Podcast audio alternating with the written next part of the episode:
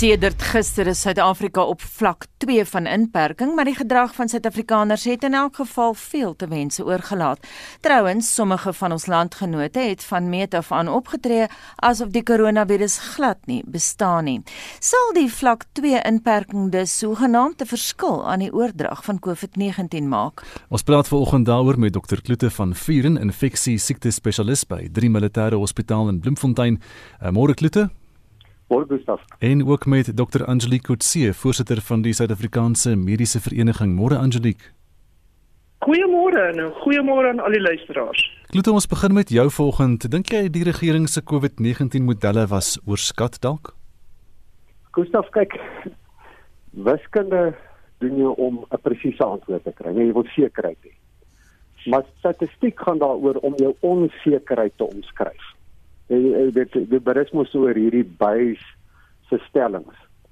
Ehm um, wat Cromwell het 'n uh, wet gem gemaak wat op buise stellings van toepassing is. En hy sê as jy nou hierdie onsekerheid van jou en en ek wil beklemtoon dis jy onsekerheid bereken. Maar jy altyd nie agterkop die idee hou dat jy dalk heeltemal verkeerd kan. ja. Ek dink ons het almal die modelle gesien. Uh ons sien almal waar ons nou is.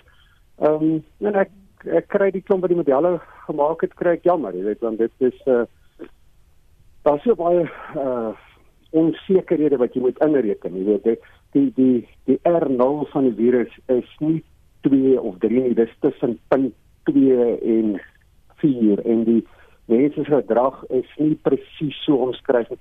So ek dink jy weet jy met al daai onsekerhede inreken en nou kom hulle met die model op en ek dink as ons kyk na ons bedbesetting, weet ons was vreesbevange vir wat aan kom is en ons het hier rondgehardloop en goed probeer regkry. En ehm um, ja, ek dink ons is dis om baie goed uh, die getalle te hanteer wat waarskynlik ons piek sal wees.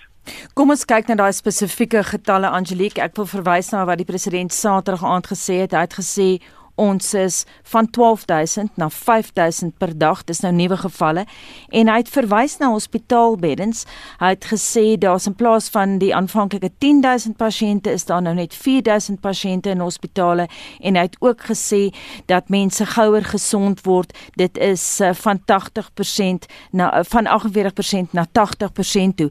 Waarop is daai syfers geskoei en dink jy Angelique daai syfers is korrek Ehm um, ja, as ek kyk na die tendens in die hele wêreld en dit het ons eintlik nou al geweet voordat ons die pa pandemie ons getref het, het ons al reeds begin sê want die statistieke van die ander plekke het gewys dat 80% van jou ehm um, mense wat corona kry gaan nie baie siek wees nie. Hulle het wat ons noem matige simptome, maar hulle is nie regtig siek nie. Ehm um, ek praat nou uit uit waar ons as dokters nou besluit as jy so siek dat jy moet opgeneem word of nie. So vir 'n pasiënt is enigiets altyd baie erg, maar uit uit 'n mediese oogpunt uit is hulle nie baie siek nie. Ons het ook reg van die begin af geweet dat omtrent 40% van mense is asymptomaties met ander woorde, hulle die virus onderlede, maar hulle is nie regtig siek nie. Ehm um, wat dit in werklikheid beteken is ons ook nie altyd seker nie want ehm um, daar's nog nie langtermyn studies gedoen om te sê hierdie ou is dalk net 'n draer nie of hierdie ou dalk 'n beter weerstand nie. Ehm um, jy weet ons het ook nie antiliggaam toetsies om wat ons tans mee kan werk om te sê ehm um, jy weet wat wat daar aan die gang is nie. Ons weet ook dat as jy positief getoets het dat jy amper uh, jy weet dat jy amper 30 dae of selfs meer virus kan uitskei sonder dat jy siek is of dat jy siek was en dat dit dooie virus is, maar ons het nie 'n manier op hierdie stadium om te kan bepaal ehm um, wat dit weet wat dit in werklikheid is nie. So, as ons nou nou kyk na die getalle, ons het ook geweet reg van die begin af dat 6% van mense gaan in die intensiewe sorgeenhede en hoësorg eindig. Hmm. Ehm um, die die ek voel jammer vir die ouens wat die modellering doen want dit soos wat my kollega nou net gesê het dat baie jy weet baie hang af van gedrag. En ek dink ons wat heeldag met die pasiënte werk, verstaan gedrag baie beter. Um en verstaan beter hoe die siege van 'n pasiënt werk of 'n gewone ou daar buite werk as wat party van die um, modelleerders wat nie regtig in kontak is nie en net met syfers sit. Ek weet nie of dit jou vraag antwoord nie. Dit doen. Klute president Ramaphosa het Saterdag aand verwys na sekere lande, hy het nie gesê watter nie, wat te vinnig hulle inperkings opgehef het en wat nou die prys be be um, betaal. Maar ons weet dat Griekeland en Spanje het hulle reismaatreëls verslap en nou sit Spanje met 27300 nuwe gevalle wat net in 1 week aangeteken is. Dis nou verlede week. Trouens die land het nou die meeste gevalle in Europa. Wat sou wys wees om te wag voordat jy jou toerisme deure open soos wat ons nou gedoen het binnelands?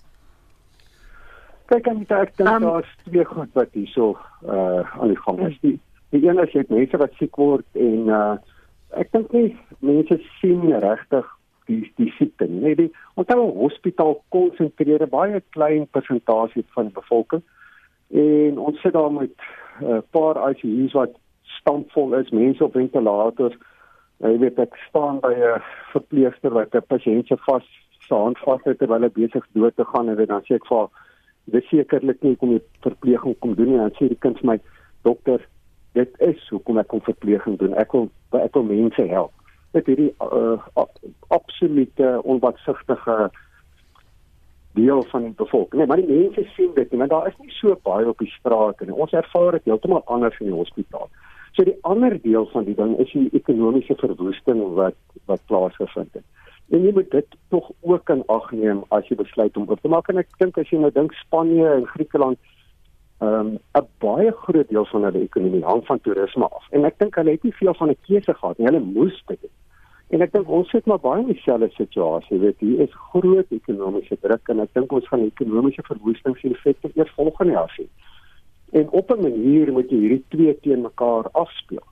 Ehm um, en ek dink nie hulle het veel van 'n keuse as om die ekonomie gang te kry en dit oop te stel nie. En ek dink jy moet ook besef dat in 'n demokrasie kan jy nie inperkings instel soos jy dit in China gedoen het en nou oor die deur sit en sê die ou wat hier uitkom is in die tronk nie, weet dit eh uh, mense in elk geval beweeg. Jy weet so Aanvanklik was hierdie oorgrensreis, die uitbraak was in die Weskaap en ons het probeer keer dat dit in die ander provinsies kom, maar elke tweede ou het 'n brief gehad om 'n begrafnis in die Ooskaap te gaan bywoon en nou sien ons dit in Ooskaap. Elke tweede ou en welkom het 'n begrafnis gaan lei in die Ooskaap en jy sien ons het in die Vrystaat uittrek. So dit is reg oor die land, is dit nou die gang so daar's geen sin in om die interprovinsiale uh reis te beperk. Jy weet so ek dink jy sit met al hierdie goed en ek dink mens moet nou realisties wees en sê ehm um, daar is 'n paar goed wat bepaal hoe jy siek word. Jou genetika en daar's baie goeie studies om te wys sekere genetiese merkers mense word sieker en ander word nie siek. Ehm um, dan is daar goed wat dit modelleer, is ouderdom en jou gewig en bloeddruk. Maar die een ding wat jy iets aan kan doen is die dosis virus waarna jy blootgestel word, nee. Lae dosis virus word mense nie so siek nie. Hoë dosis virus gaan jy dood. So dra jy masker, hou jou afstand. As mense die buitelug uh met mense verkeer, is jou risiko baie laag. Jy weet ouer tuise bel my en sê moet hulle um hulle laat nie mense toe nie, maar dan gaan die ou mense uit en gaan kyk by kinders jaar. Jy weet so ek kan nie daar stop. Ek sê maar al met dan doen as jy binne die kompleks moet mense net nie mekaar se sitkamers kuier nie. Kuier in die straat of sit buite. Dan is die risiko baie laag. Jy weet dis die tipe van goed wat ons doen ons met die realiteit aanvaar en, en intelligent begin optree. Ehm um, ek is bly aan die leek verstaan mense ek verstaan mense glad nie. Dis my vrou, my kinders en nog minder my pasiënte.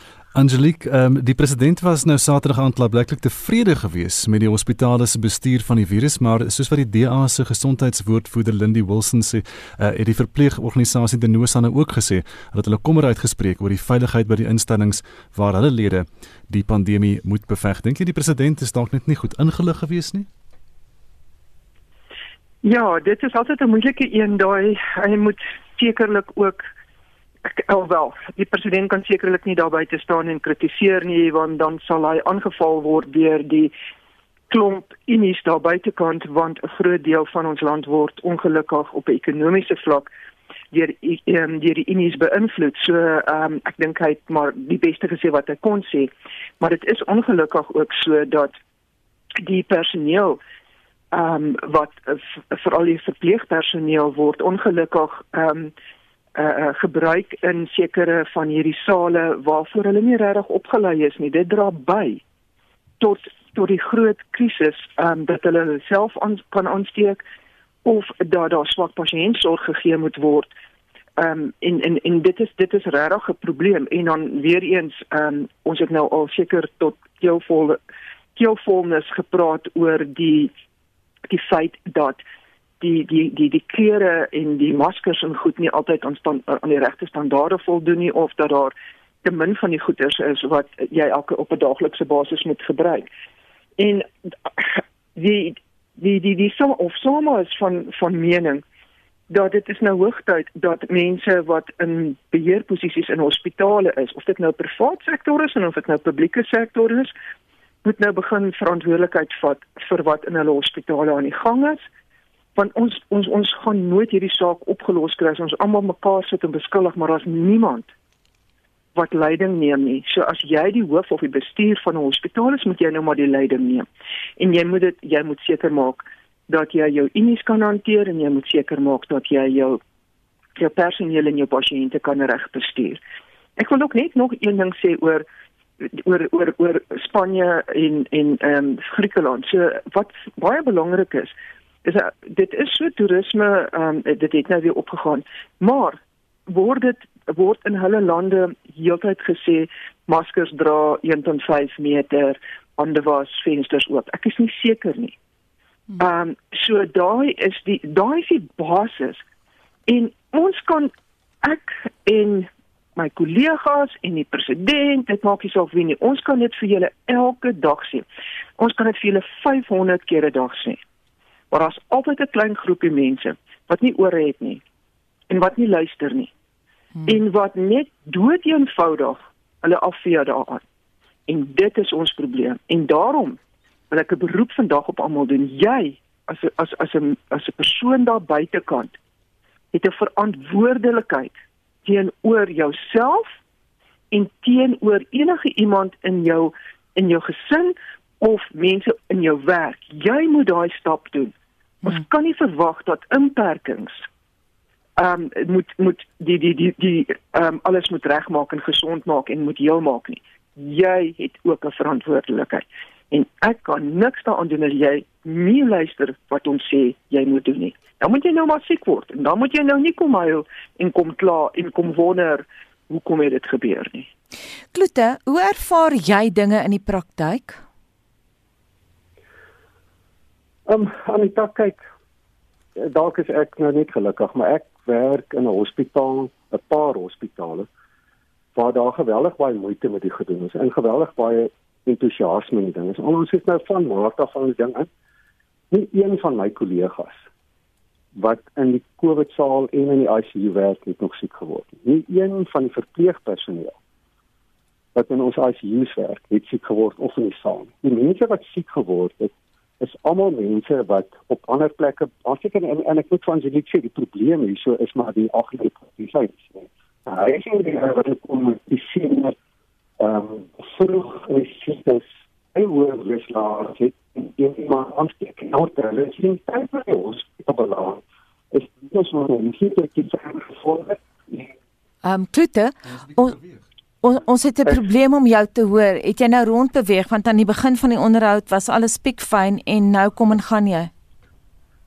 Is dit hoe klink dit nou? Beter.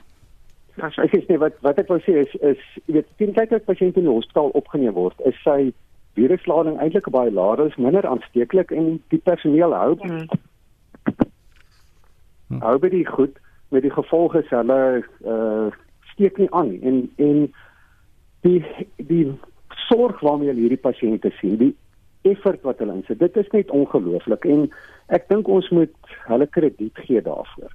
Ehm um, en dan sit jy in plekke in die Oos-Kaap waar mense en en ek en ek blameer die unies daarvoor wat seker maak dat daar geen verpleegsorg is nie, dat daar mm. nie personeel is nie. Jy weet en en en dit vir my nie is hartseer en ek ek kan my nie vereenselwig daarmee. Nou ons het uh, verlede week in diepte gepraat met uh, Johan Kreer, hy's 'n dosent by Tikkies en hy's 'n voormalige president van die Aptekersraad en hy was min beïndruk met die Russe se Covax uh, inenting en stof wat uh, Vladimir Putin nou as 'n Sputnik oomblik beskryf het. Uh, hy glo 2 maande se toetsing is nie genoeg om hierdie middel aan te kan bied as 'n wonderkuur nie. Uh, Angelique, kom ons begin by jou. Wat is jou mening oor die Russe se enstof? Dit is 'n Sputnik. Hy gaan teen die hy gaan teen die grond vasvat vasval soos 'n Sputnik en hy gaan ontplof soos 'n Sputnik. Ehm um, dit is totaal onaanvaarbaar. Dan het nie eers 'n fase 3 nie. Jy kan nie in 2 maande 'n uh, enstof inbring en dan sê jy weet nou gaan ons hom op die mense los laat nie. Die die die Wêreldgesondheidsorganisasie het al reeds in ek dink in Maart maand begin met studies. Hulle gaan nou eers na vlak 3 of fase 3 toe van hierdie studies. En daar moet amper nog 'n jaar lank getoets word om te sien of 50% van mense dit is eintlik wat fase 3 beteken 50% van mense hoe reageer hulle teenoor mense wat placebo kry wat nie ehm um, wat nie die enstof ehm um, kry sonder dat hulle weet jy sê dis die groepe wat jy nou moet gaan uit uitfigure en meer gaan werk maar hierdie is absoluut ehm um, glad nie glad nie aanvaarbaar wat gebeur nie ek stem 100% saam met meneer Kreer. Klute? Ja, nee, dit werk is 'n wonderkier gaan gaan jy dit vir jou pasiënte gee? Ja, ek ek gaan dit definitief nie gebruik nie en ek sal definitief ek Gustav kom ons wees nou eerlik, ons bly by bewysgebaseerde medisyne. Hmm. En as jy sien iets om twak wat hier rond gaan deesdae, dis net vir my verstommend, selfs van dokters af. Jy weet, ek dink mense verstaan nie wat bewysgebaseerde medisyne is. Ek nou nog 'n oproep kry oor die ivermectin wat al die boere nou drink. Ja, daar is klein studies wat wys ivermectin werk en dan uh gebruik almal dit die dosis wat jy moet doen om dit in daai laboratorium studies na te boots is sulke industriële doses jy sal stop blind en mors dood wees daarna. Hmm. Nou dieselfde is met hierdie uh vaksin. Jy weet dit is uh jy weet kom ons hmm. hou by die by die by die wetenskap en ons doen dit goed reg en dan baat ons almal daarbey. Ons sal chaos veroorsaak as ons met sulke twak ons ophou. En uh Angelique baie tong in die kies. Is seker nie die tyd om Kloete te vra wat hy dink van die president van Madagaskar se kure nie of hoe. Hy dalk is Sputnik. Ek wil net in die grond staan. Ek wil vinnig by iets anders kom. 'n Mutasie van COVID-19 wat nou in Europa kop uitsteek is ook in Maleisië waargeneem en die mutasie is meer aansteeklik maar minder gevaarlik. Is dit die normale patroon van 'n mutasie Angelique? Ja, ehm um, dit is ook nie dis eintlik die normale patroon van 'n virus. Ehm um, 'n virus besit die um, uh, neiging om of die vermoë om te kan muteer en hulle hou nogal daarvan om te muteer. Ehm um, ek dink toe te gaan bietjie meer dalk daarop kan sê as wat ek kan maar dit is wat ons sien en dit is maar wat ons sien met die met die griepvirusse ook elke jaar. Die goed muteer en dan ehm um, is, is is daar 'n nuwe uh, uh, uh, uh, spesies uit of nie 'n spesies nie 'n nuwe ehm um, ek wil nou nie die woord strain gebruik nie dis 'n Engelse woord maar dan is daar 'n nuwe nuwe familie uit whatever. Hmm en dan ehm um, moet ons maar weer voorbegin. De, wat wel bekommerwekkend is is dat dit nie lyk asof ons op hierdie stadium ons immuniteit teenoor die huidige COVID-19 wat tans in Suid-Afrika is behou nie. Ehm um, en dit kan verrykende gevolge wees. Vorentoe en dit is hoekom ons hierdie virus gaan nog vir baie jare met ons waarskynlik wees. Want dit is soos 'n seekat met klomp arms. Jy kap die een af en dan kom die volgende arm weer. En ehm um, jy kan net nie bybly op die ou einde nie. Maar weer eens da, daar is baie eenvoudige goed wat jy moet doen en dis daai vier goedjies wat ons elke dag sê en vir en vir mense jy maak jou ore oop en luister wat ons sê. Moenie winkels toe gaan nie. Ek is verstom as ek in 'n winkel ingaan en 'n gesin is in 'n winkel. Dan wonder ek, mevrou, het jy nie gehoor wat ons sê nie? As jy wil winkel toe gaan, los jou kind dan in die by die huis of by, by iemand anders te maar moenie asseblief om vaders na die man, die vrou en die kinders gaan om te gaan inkopies doen nie. Dit ek, ek, dit maak net dit is net my verstomming. Kloete, wat is jou opinie oor hierdie mutasies? Gaan dit word soos 'n jaarlikse griep? Kyk, kom twee twee goed. Die een is kyk hierdie mutasies is eintlik maar om te kyk van waar vir die ding in die land ingekom en hoe versprei dit en wie steek wie aan. Dit jy kan nou in Nieu-Seeland gaan kyk watter mutasies nou daar en nou gaan probeer hulle uitwerk hoe het dit nou weer in die land ingekom. Dis dit dis hoe dit gebruik word. In terme van hoe siek mense dit het geen praktiese belang. Ek meen dit is dis van hulle geen waarde. Die tweede ding is, ehm um, en ek dink mos dit baie duidelik. So hierdie storie van die immuniteit hou nie, dit is 'n klomp sensasie en ek dink dit is twak. Met enige infeksie kry jy 'n uh, immuunrespons met antiliggame en as jy 'n waterpokkie gehad het na 3 maande neem dit af. Nou hierdie ding doen nou presies dieselfde nou hardloop almal rond en sê daar's nie immuniteit.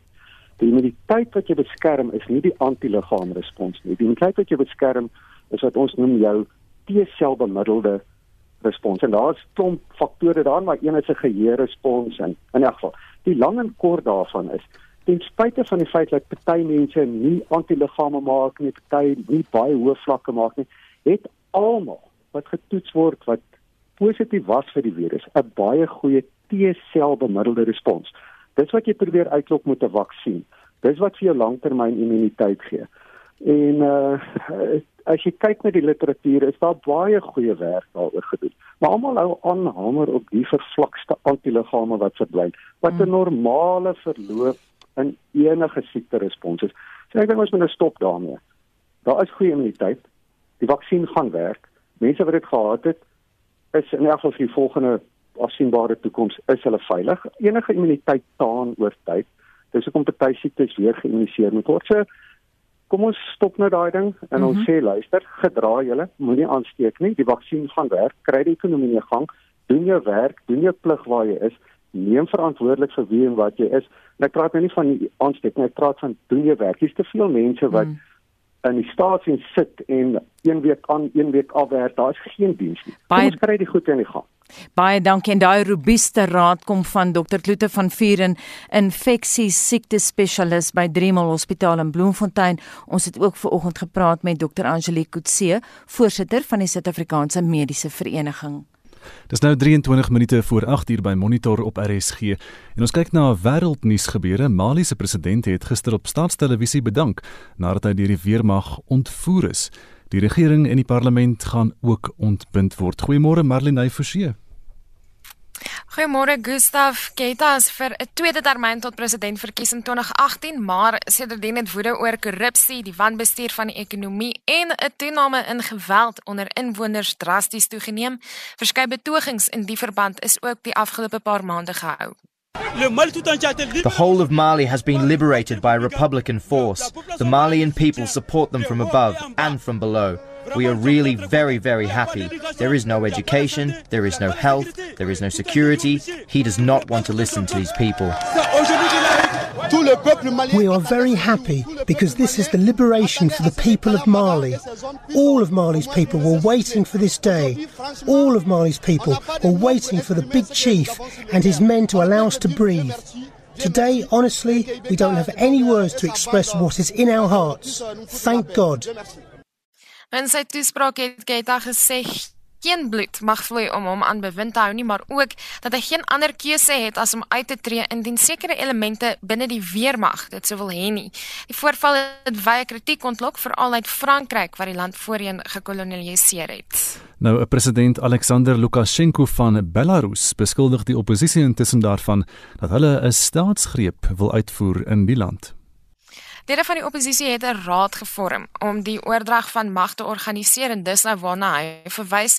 Dit volg op 10 dae van ewige betogings in die land teen die uitslag van die verkiesing wat toon dat Lukasjenko 80% van die stemme behaal het en die oppositie se kandidaat Svetlana Tikhanovskaya slegs 10%. En dan in Amerika is Joe Biden amptelik benoem om president Donald Trump aan te vat in November se verkiesing in die land. Ja, en dis nou by die demokratiese konvensie. Dis die derde keer dat Biden om die posisie meegeding het. Dit nadat sy veldtog op 'n merkwaardige wyse herstel het sedert Februarie. Die tweede dag van die demokratiese gedeeltelike virtuele konvensie is gisteraand daaraan gewy om die Biden familie beter te leer ken. Ons bly in Amerika, die Amerikaanse aandelemark het die hoogte ingeskiet ondanks bekommernis oor die pandemiese impak op die ekonomie. Die S&P 500 het gestyg met 3 punte bo die Februarie rekord en die Nasdaq het Junie se hoogtepunt verbygesteek. En 'n navorsing deur die Universiteit van Liverpool in Engeland in Brittanje toon dat lande met vroue as leiers beter vaar in die hantering van die COVID-19 pandemie. Vrouelede, vroueleiers eerder het vroeër hulle manlike ewe knieë die Grendelstaat ingestel en in die lande is die aantal COVID-19 sterftes volgens die navorsing die helfte minder. Daar word veral verwys na Nieu-Seeland se premier Jacinda Ardern en die Duitse kanselier Angela Merkel. Professor Jennifer Curtin, die direkteur van die Auckland Universiteit se Instituut vir Openbare Beleid het ook deelgeneem aan die studie. Sy sê soveel moontlik lande is deelgemaak hiervan om te bepaal of gender wel 'n rol gespeel het. It looks like women leaders might be more risk averse to the human cost of this disease vis-a-vis the economic cost and what they what they do is look at the scholarship on on leadership and they find that uh, historically at least male leaders are more likely to be risk averse on economic factors which may explain why male leaders have left the borders open and left the economy to run longer and as a result there's been higher human cost. En dit was professor Jennifer Curtin, die direkteur van die Auckland Universiteit se Instituut vir Openbare Beleid. En ek is Marlene Forsie met 'n blitsoorsig van wêreldnuus oorsig gebeure vanoggend. Dis kwart voor 8 op Monitor in die Afrikaanse Taal en Kultuurvereniging vier vandag sy 90ste verjaarsdag nadat dit vandag in 1930 amptelik gestig is. Vir reël partymense soos die van Deventer egpaar is die lewe sonder die organisasie ondenkbaar. Johan van Deventer, 'n oud spoorwegman, word ook verjaar 90 jaar oud en is nou al 'n ATKV lid vandat hy 20 jaar oud is. Susie van Deventer in haar 80's vertel hoe sy en haar man lede van die ATKV geword het. My man, Johan van Deventer, het by Danskraal Lady Smith gewerk en mense van die ATKV het met hulle kom praat met die manne daar. Dit 'n hele klompie van hulle aangesluit. Ek het hom natuurlik heel wat later eers ontmoet en dis ons getroud en hy het natuurlik my naam ook by opgesit as lidmaat het julle neem ek aan darm toe na die ATKV oorde gereeld besoek. Absoluut. Ons het in die ATKV tak behoor. Daai jare toe Estel Stoop, mevrou Konradie en daai mense nog op die bestuur was. Watter plek het julle die meeste geniet? Ek was vreeslik lief vir Buffelspoort, die vakansieoord daar by Woester. O, Goudini, Goudini. Goudini pragtig. Sies tog hulle kry nou swaar. Regtig? Ja, want met hierdie COVID-19. Natuurlik. Ja. Natuurlik. Natalia, omdat ons in Ladysmith gebly het, het ons die meeste besoek. Hm. Ook later met ons kinders en met ons kleinkinders. Maar nou jy was self ook deel van die vroue tak in Ladysmith. Artikas, dit was eers vrou en moederbeweging. Ja ek het nog die speltjies en toe het dit verander na ATKV dames. Wat onthou jy as 'n hoogtepunt in daai 30 jaar? Absoluut.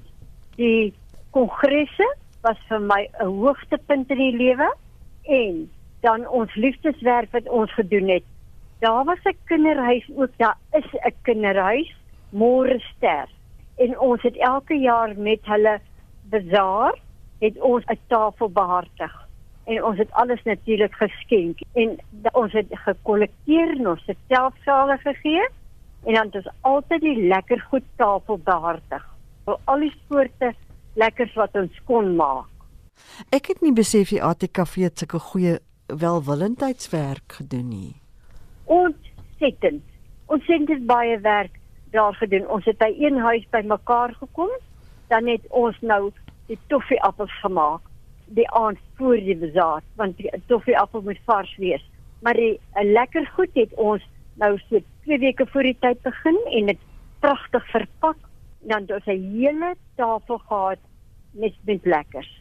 Ja en my man het daai jare het hy R50 inbetaal. Ons is albei twee erelede. So ons kry nog ons boekie en my geskenkboek natuurlik waaroor ek mal is. Ek wil nie op 'n rekenaar of iets lees nie. Ek wil 'n boek in my hande vashou en lees. En ek kry elke jaar my boek, maar hierdie jaar het ATKV my twee liefdesverhale gestuur verlede maand. Susie van Deventer het met Mitsi van der Merwe gepraat. En ons bly by die ATKV en ons praat nou met die bestuurende direkteur Sonel Brits wat by ons aansluit. Goeiemôre en baie geluk met julle 90ste. Môre Anita en Gustaf en baie dankie. Ja, dit is vir ons 'n groot dag. Jy het nou geluister na die vorige onderhoud en jy het gehoor wat sê Tannie Susie van Deventer, maar daar's baie mense in die land wat voel jy het definitief 'n rol te speel. Ek wil net vir julle sê, dit wat julle gehoor het, ehm um, dis die hartklop van die organisasie. Die ATKV van van sy ontstaan tot en met vandag is absoluut 'n organisasie wat 'n verskil wil maak en wat 'n positiewe bydrae wil maak.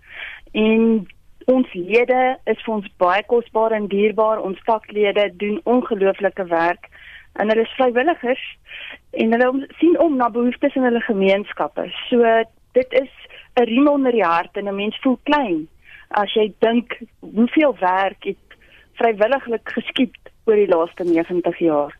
Sonel, wat is die ATKV se geheim om steeds na 9 dekades staande te bly want die Suid-Afrika van vandag is 'n baie ander plek as die Suid-Afrika van die 1930s? Gustav, dis 'n baie baie goeie vraag. Ek dink die ATKV streef nog altyd daarna om relevant te bly en in daardie strewe het ons aangepas met tye wat verander. Ons sien dit ook in hierdie selfs in hierdie COVID-19 periode. Ehm um, ons moes baie baie vinnig ons projekte aanbod aanpas om te kan voortgaan met dit en ons het dit reg gekry. Ehm um, ek dink dit is kreatiwiteit wat wat ons so trots op is en die feit dat ons mense regtig wil. So nou enige foute wat jy gemaak het oor die jare, goed wat jy nie sou wou gesien gebeur het nie. Ek weet nie of 'n mens ooit kan sê foute wat 'n mens gemaak het nie. Ek dink dalk goed wat 'n mens op 'n ander manier sou wou aanpak. Ehm, um, maar ek moet vir jou sê oor die jare heen het die goed ons het alles vir ons ten goeie meegewerk en ons is baie baie dankbaar daarvoor. So ek dink nie ons is blind vir ons foute nie. Ek dink ons um, is regtig bereid om te luister na kritiek en ook gehoor te gee daaraan. Ehm um, en ja, ek dink tog ons kry dit reg. Jy het net so vinnig verwys na die uh, Grendel tydperk. Hoe moes julle julle vieringe aanpas vir hierdie 90ste verjaarsdag by die huidige inperkingsmaatreëls en die pandemie en so aan? Julle het nou gehoor dan jy het vir verwys na die kongres. Ehm um, dit is wat ons dit altyd genoem het. Deesdae noem ons dit die algemene jaarvergadering. En dit het gewoonlik um, by een van ons oorde geskied. Hierdie jaar was dit natuurlik nie moontlik nie. So ons gaan vandag die eerste digitale AEV in die geskiedenis van die ATKV hou. En ehm um, ek moet vir julle sê dis 'n dis 'n interessante proses want dit is baie anders as wat ons dit in die verlede gedoen het. Maar mense het dit omarm en hulle wil hulle wil bitter graag deelneem en ons is baie trots dat hulle nog steeds bereid is om deel te neem al is dit nou regtig vreemd en vir party mense dalk 'n bietjie moeiliker. En um, ons is dankbaar ons is baie baie dankbaar. So Nel, hoe werk julle geld sake? Hoeveel geld kry julle uit julle oorde uit? Want ek dink nou in terme van die binnelandse reise wat nou weer plaasvind. So as julle hmm. daar seer gekry het, is daar hoop daar is baie beslis hoop en ek wil baie graag ook vir die publiek uitnooi kom kuier by ons. Um, ons het al ons protokolle in plek. Die oorde is gereed gemaak. Daar is inligting beskikbaar op die webtuistes en dit sal vir mense aanduiding gee van wanneer ehm um, watter oorde oopmaak. Twee oorde is reeds oop en dit is Eiland Spa en dan Gaudini daar in in Rosenwil se se omgewing wat reeds oop is en waar daar reeds gaste ontvang is um, van maandag af. En ja, ons is ons sal mense se ondersteuning ongelooflik waardeer. Ek het daar in 'n vorige gesprek met julle verwys hmm. na die die die interessante model, die hibriede model van die ATKV. Hy begin as 'n bladsvereniging, maar in 1936 het hulle die plaas Hartenbos gekoop waar waar die vakansie element toe nou bygekom het en dit is so dat dit, dit daardie ehm um, kommersiële inkomste stroom vul die ander inkomste aan om wel die werk aan die taal en kultuurkant ook uit te kan voer. Jy het nou gehoor hoe vra Mitsi daarvoor aan die Susie, wat is haar gunsteling oord? Watter een is jou gunsteling? Oh, nee, ek kan dit nooit sien en is om nooit vergewe. en, en en op 'n persoonlike vlak. Wat is wat is van jou vroegste herinneringe aan die ATKV? Weet jy, Gustav, ek dink soos baie van ons is dit maar laerskool en jy weet hierdie redenaars en bietjie praat en koorsing. Ek is nou nie 'n sanger nie. Ek het probeer. Dit die juffrou baie diplomaties vir my gesê, sy dink my stem is nog nie heeltemal reg nie. Ehm um, so dit is dit is van en dan natuurlik van die oorde wat 'n mens uh, as kind ook besoek het. Jy weet, ehm um, so dit ja, dit dit sal maar altyd vir my daai hoogtepunte bly. Baie dankie en weer eens baie geluk van ons kant af dit aan die ATKV se bestuurende direkteur Sonel Brits. Dis 6 minute voor 8 in Afrika se eerste plastiekpad in die Oos-Kaap het aan die DA in die provinsie 'n benoeming by verjaar se Eco Logic omgewingstoekennings help inpalm. Die party se lid van die wetgewer vir samewerkende regering en openbare dienste, Wiki Knoetse, het aan Marlene Forsie gesê die projek is in twee afdelings benoem. Die toekennings word virtueel op die 21ste September bekend gemaak dit laat mense net weer voel dat dit wat jy aangepak het en dit wat jy probeer doen het om werklik 'n verskil te maak word regtig raak gesien en dat ander dit ook sien as 'n moontlike manier om om die wêreld en Suid-Afrika beter te maak. Hiermee saam is Knutse se hoop dat die sukses van die projek die Oos-Kaap sal bemagtig. Van die rolspelers wat betrokke was van die begin af, glo so in hierdie idee dat hulle klaar die alleenregte gekoop het om 'n fabriek hopelik in die Oos-Kaap te kan opsit by een van ons twee groot uitvoerhawes, dit is in Port Elizabeth en Kuga. Want die idee is aan die einde van die dag om ook hierdie wat hulle noem die pellets uit te voer aan 'n uh, Sub-Saharan Afrika. En hiermee saam die volgende uitdaging aan ander munisipaliteite. Hierdie klein munisipaliteite in die Oos-Kaap het nou bewys dit kan gedoen word. Doen julle eie loodsprojek. Beheer hierdie metode van padbou want al wat ons regtig vra is om te doen wat ons al vir baie jare doen en nog baie jare gaan doen en dit is om paaie te bou net om dit op 'n ander manier te doen. Plastiekpaaie is volgens haar meer bestand teen verweer en elemente as tradisionele teerpaaie. Die pad is reeds in Desember in gebruik geneem en geen instandhoudingswerk was tot nou toe nodig nie. Om jou die waarheid te sê, ons verwag nie om enige werk te doen aan die pad vir die volgende 20 jaar nie as alles verloop soos wat dit moet. Maar soos ek sê dit is 'n loodsprojek so ons het dit nou gedoen om te kyk. Is dit werklik so goed soos wat dit is en vaar in ander lande? Die bou van die pad kos ongeveer dieselfde as teerpaaie, maar kostebesparing vind oor die langtermyn plaas omdat instandhoudingskoste uitgeskakel word. Ons spandeer verskriklik baie geld om 'n uh, slaggate reg te maak, om krake reg te maak, paaie wat wegspoel.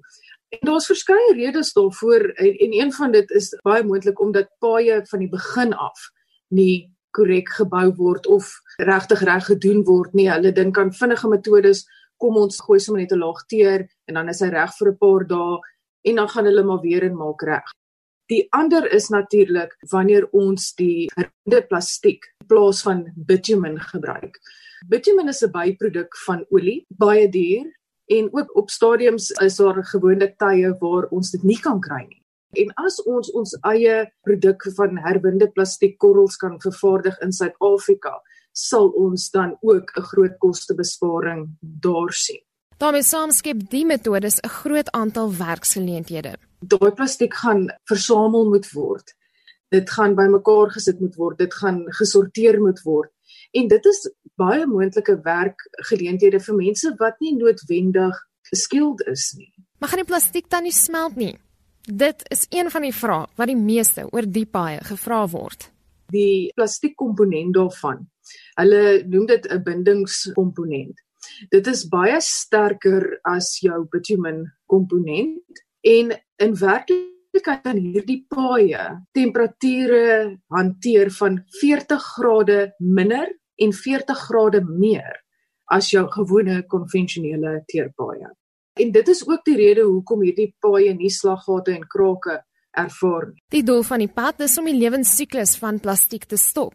So die plastiek kan nie verder afbreek in kleiner deeltjies wat die omgewing beskadig nie. Dit gaan deur 'n chemiese proses om seker te maak dat dit nie verder afbreek in mikroplastieke wat dan in die grond wegsyfer en verdere grondwaterbesoedeling veroorsaak nie ons het seker gemaak dat die produk wat gebruik word nie enigstens verdere skade kan veroorsaak aan die omgewing nie.